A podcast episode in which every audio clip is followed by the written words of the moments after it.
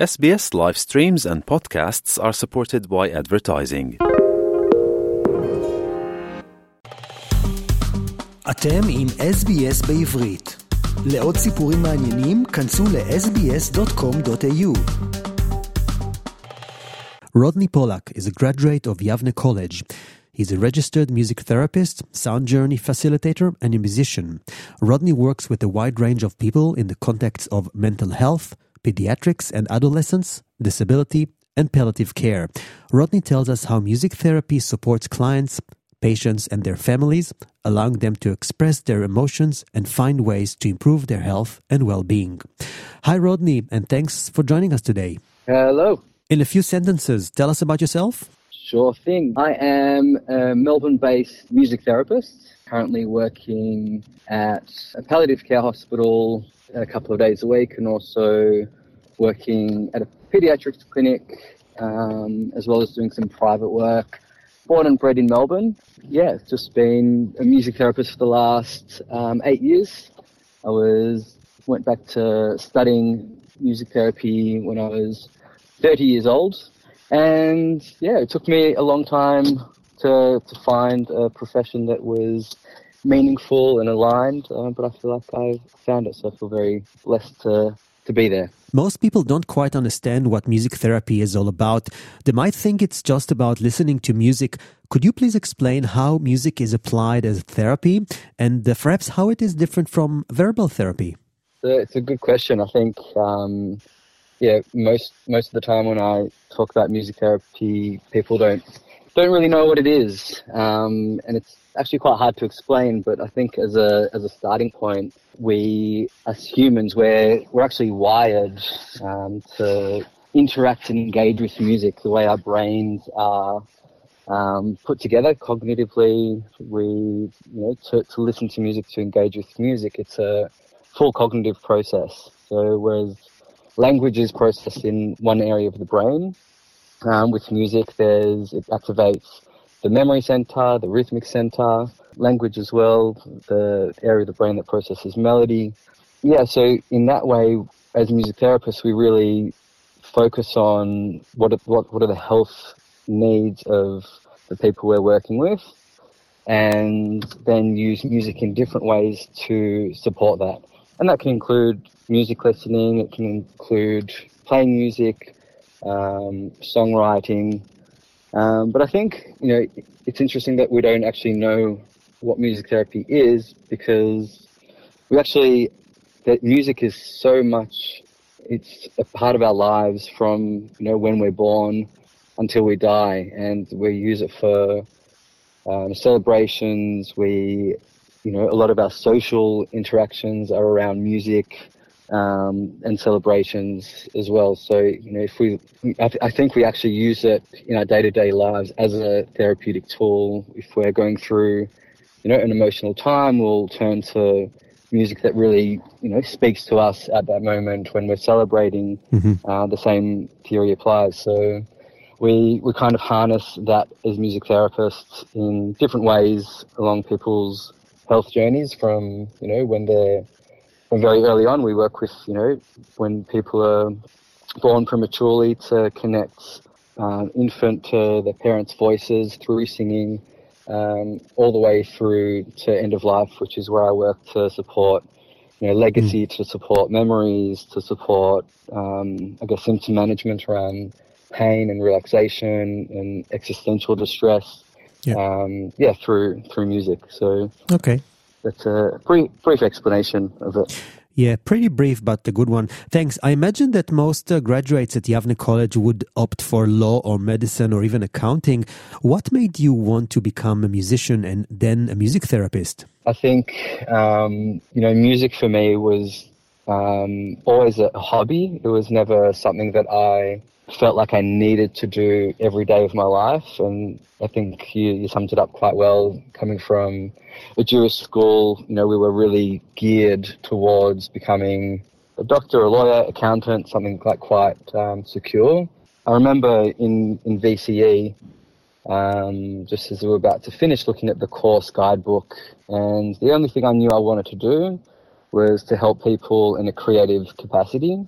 And the school I went to, it didn't really support that. And I just remember looking through the course book and I found psychology and management marketing as a as an undergraduate course. So I did that and I ended up not wanting to do marketing for because it wasn't really aligned with my values. And then with psychology, it wasn't that much of a practical course. It was very academic based and um, I didn't want to, you know, I think I was 19 or 20 at the time when I finished the course, and I didn't want to spend another three years becoming a psychologist. So I kind of spent my 20s in different industries, um, and one of those industries was in construction. So my dad's business uh, was in construction, so I just kind of fell into that. Um, worked for him for a few years, just doing kind of office work, I didn't know what my passion was. I didn't know what my calling was. And I think what led me to music therapy was just this curiosity about what other careers were out there. Um, and I just remember speaking to everybody that I met. I was really curious about what they did. And I was at a, a friend's birthday um, when I was about 25. And this, we were having a jam session um, in, in the person's backyard. And Mm. I was speaking to this guy, and he, he said he was a music therapist. And at the time, I, you know, it was one of those light bulb moments that I'll I'll remember forever. So shout out to to Paul who who guided me to to doing music therapy, mm-hmm. and from that point on, I just looked further into what music therapy was and did some observation. And we're speaking to Rodney Pollak, a music therapist. Could you explain about the different strategies and perhaps different types of music that you apply with clients and patients of different ages, background, medical conditions, etc.? Yeah, so you know, there's there's a few ways of answering this. I think you know when we're talking about familiar music, um, you know, it's really in, in order to form that answer, it's it's really about finding out what the goals are around the people I'm working with. I always see music as a bridge to people's worlds, whether that's their internal worlds and their emotions, their memories, or their external worlds, whether it's like how they engage with the world or even the way they're breathing. So, you know, with familiar music, it's a really kind of easy access point. But then I think a lot of the time, you know, when I'm working now, it's there's a lot of improvisation uh, work that's done to like really regulate people's nervous systems. I think whether I'm working in mental health, um, you know, supporting people with their anxiety and stress or trauma, um, or whether it's you know palliative care where they're at their end of their lives and they're you know there's breathing difficulties or there's some you know emotional um, distress or acceptance. Um, yeah, using kind of varied instruments uh, kind of regulating the nervous system and getting doing a guided relaxation with um, multiple instruments. So, you know, whether that's guitar or a handpan or yidaki, mm-hmm. didgeridoo, um, or a flute, um, just giving people like a full spectrum of uh, a soundscape that actually they can connect to different parts of themselves through that um, through that process. Mm. And you mentioned how music therapy actually helps breathing. Could you explain how it's done? Yeah, so you know we're all. I, I like to think of us as walking metronomes. So that's that kind of the tick-tock things that keep us in time. But we've got our heartbeat that um, has a you know fairly steady beat, fairly consistent.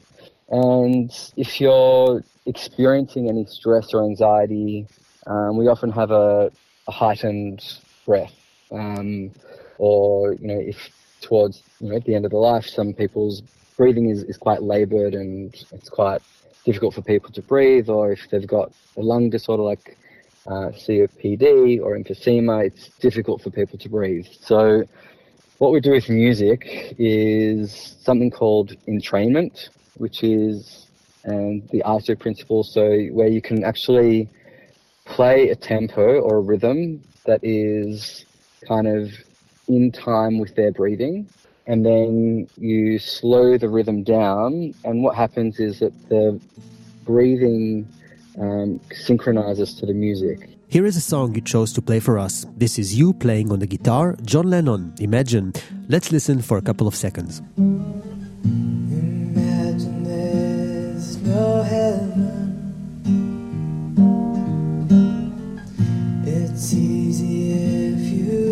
Try.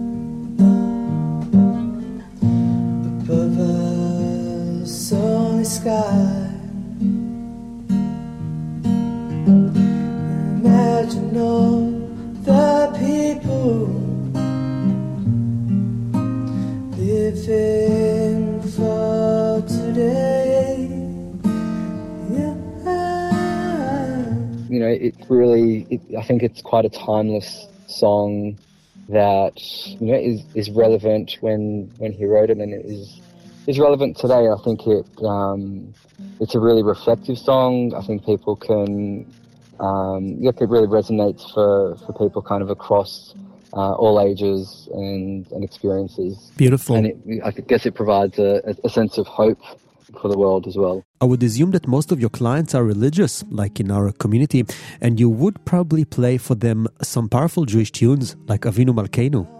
Yeah, um, yeah. I have a you know over the years a handful of, of Jewish uh, clients and people that I've worked with. You know, Avinu Malkeinu is, is often a song that I go to. You know, as it's uh, it's a deeply powerful song. I think you know, it's a prayer song um, around Yom Kippur, and it, at the same time, it's like very reflective. We're always surrounded by family. It's a you know, it can be a deeply, deeply powerful song. So, of um, that's that's one I turn to as well.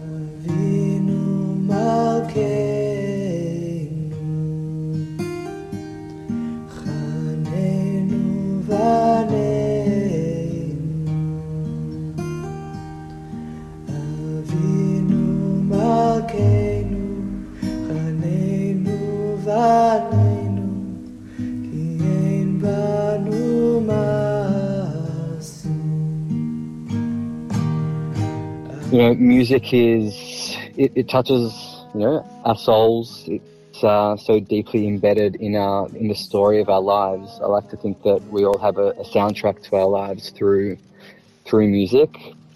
And I kind of mentioned this um, before, just in terms of how music is processed in the brain. It doesn't just, uh, it's not just processed in one area where we're processing, you know, the music. It's also deeply embedded into our memory center as well. So there's a strong connection to memories and music, and that's why it can kind of just really, like when we hear a song, doesn't matter what's going on for us if we're you know thinking about whatever it is as soon as we hear a song that is that speaks to us that we have a memory towards it will just take us out of whatever moment we're in and into that container as music and deeply connect us to the to our emotions Look, I've got one last question. Are there any benefits for some kind of modified music therapy in the context of uh, companies, organizations, perhaps in the parliament or even the Israeli Knesset? It's a, it's a very interesting question, and yeah, thank you for asking that. I've actually started doing uh, working as a music therapist in corporate spaces for staff well-being, and I think you know there's definitely definitely space for it, and I guess you know in organizations and companies there's such a uh, focus on you know it's it's a highly stressful environment. And um, there's yeah it's nice to see that organizations are starting to really look after um, their staff. And so I think how music therapy can benefit in terms of you know people like regulating people's nervous systems, allowing them time just to like have some space in the day, similar to um, maybe having yoga, but it's a little bit uh, mm. deeper, deeper process with music therapy, I would say. Okay, Rodney Pollak, music therapist from Melbourne. Thank you so much for speaking to us today. Perfect. Thank you so much for having me. רוצים לשמוע עוד סיפורים? האזינו דרך האפל פודקאסט, גוגל פודקאסט, ספוטיפיי, או בכל מקום אחר בו ניתן להאזין לפודקאסטים.